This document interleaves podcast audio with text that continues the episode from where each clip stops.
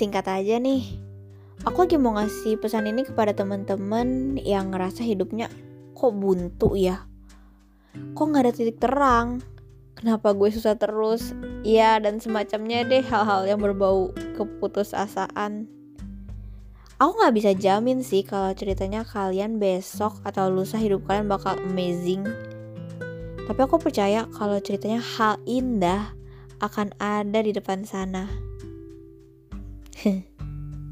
Sabar aja, nikmatin prosesnya. Kalian tuh spesial loh, kalian tuh keren sekali. Oke? Jangan nggak percaya diri, jangan minder.